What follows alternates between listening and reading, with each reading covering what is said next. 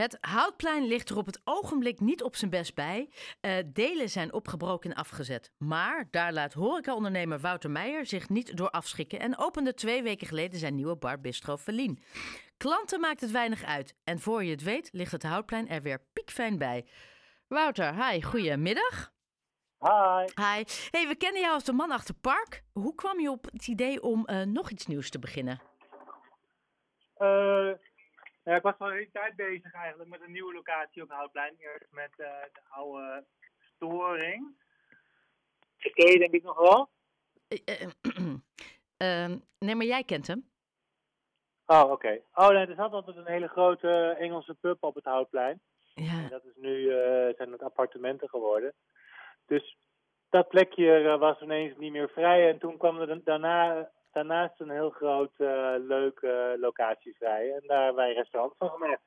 Oké, okay. ja, want, want uh, uh, Park is een gerenommeerd restaurant, heel bekend in, in, in Haarlem. Verlien is een bar bistro. Wat zijn dan de overeenkomsten en waarin zitten de verschillen tussen die twee?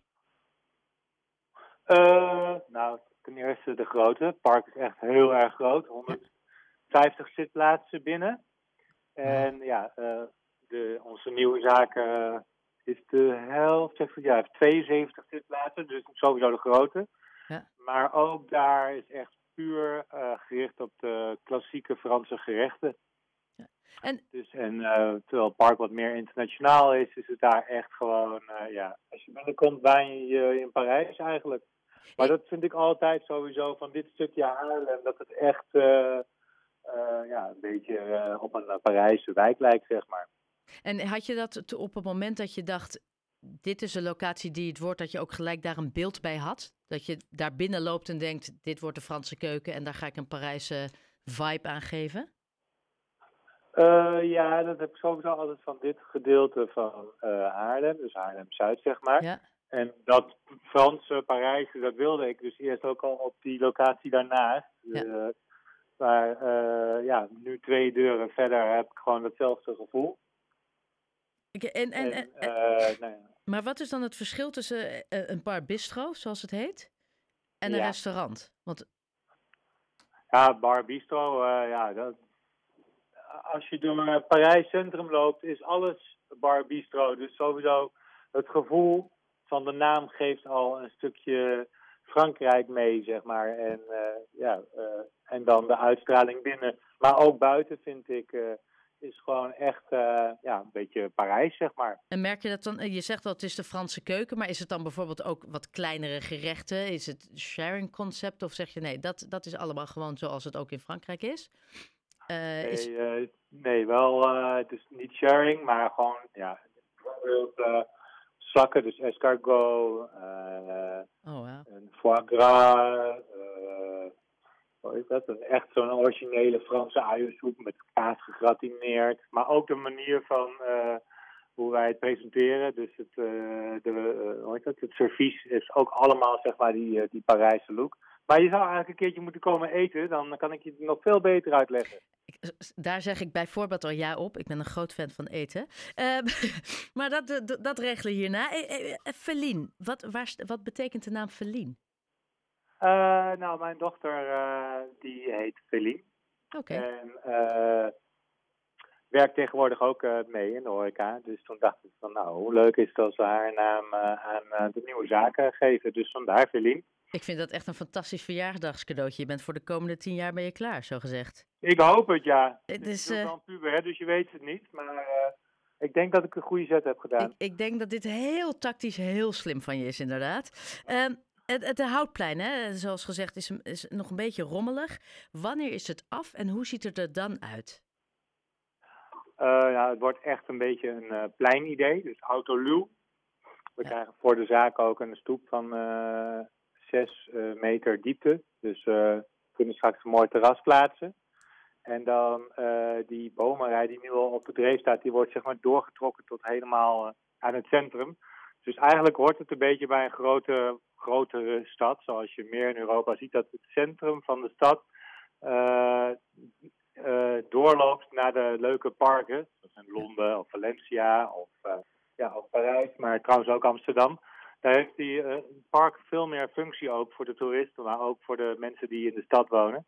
Dat miste in Haarlem, maar door dit doortrekken van het Houtplein naar het Frederikspark en de Hout krijgen wij die functie ook straks. Ja, en uh, dat is het enige, is er gewoon een personeelstekort, dat is uh, onder in de horeca uh, vrij aanwezig. Ehm, nou heb je één horecazaak, wat je zegt met een goede 150 plekken. Dan heb je er zo meteen twee. Hoe doe je dat? ja, sowieso versterken we elkaar. En het wordt nog leuker om bij mij te werken, want je mag als, je, als we een rooster maken, kun je zeg maar aangeven waar je wil werken. Dus of bij Park of bij Verlien. En uh, ja, dat geeft ook weer meer afwisseling. We merken nu al dat mensen heel leuk, of personeel het heel leuk vinden om een beetje af te wisselen. Maar heb je genoeg personeel om twee zaken te runnen? Ja, tot nu toe hebben wij uh, gelukkig uh, Fijn. geen personeelstekort. Hoewel ik dat heel veel om me heen wel hoor natuurlijk. Maar ja. op een of andere manier, ja. Heb, jij er nog geen last van? Nou, nee. Gezegend man, zo gezegd. Uh, als ik het om me heen hoor. Nou, jij dus ook. Uh, je, je, gaat alle parken af. Je hebt Frederikspark, je hebt nu het Houtplein. Heb je nog een ander park in Haarlem waarvan je zegt... daar wil ik uh, tussen ook wel eens wat leuks openen? Nou, nou, dit, dit nee. Ook een reden waarom we uh, hier op het Houtplein zijn gaan zitten. Omdat het makkelijk te combineren is. Ja, het zit om de hoek. Wel ons, een van onze managers die loopt gewoon uh, ja, heen en weer. Die staat waar nodig is. En omdat het dus maar 100 meter van elkaar af ligt, is het uh, heel fijn te combineren. Dus nee, ik hou het hier uh, voorlopig bij. Maar ja. zeg nooit nooit. Oké, okay. nee, dat, dat kan ik me voorstellen. hey, Wouter Meijer, je bent twee weken nu open.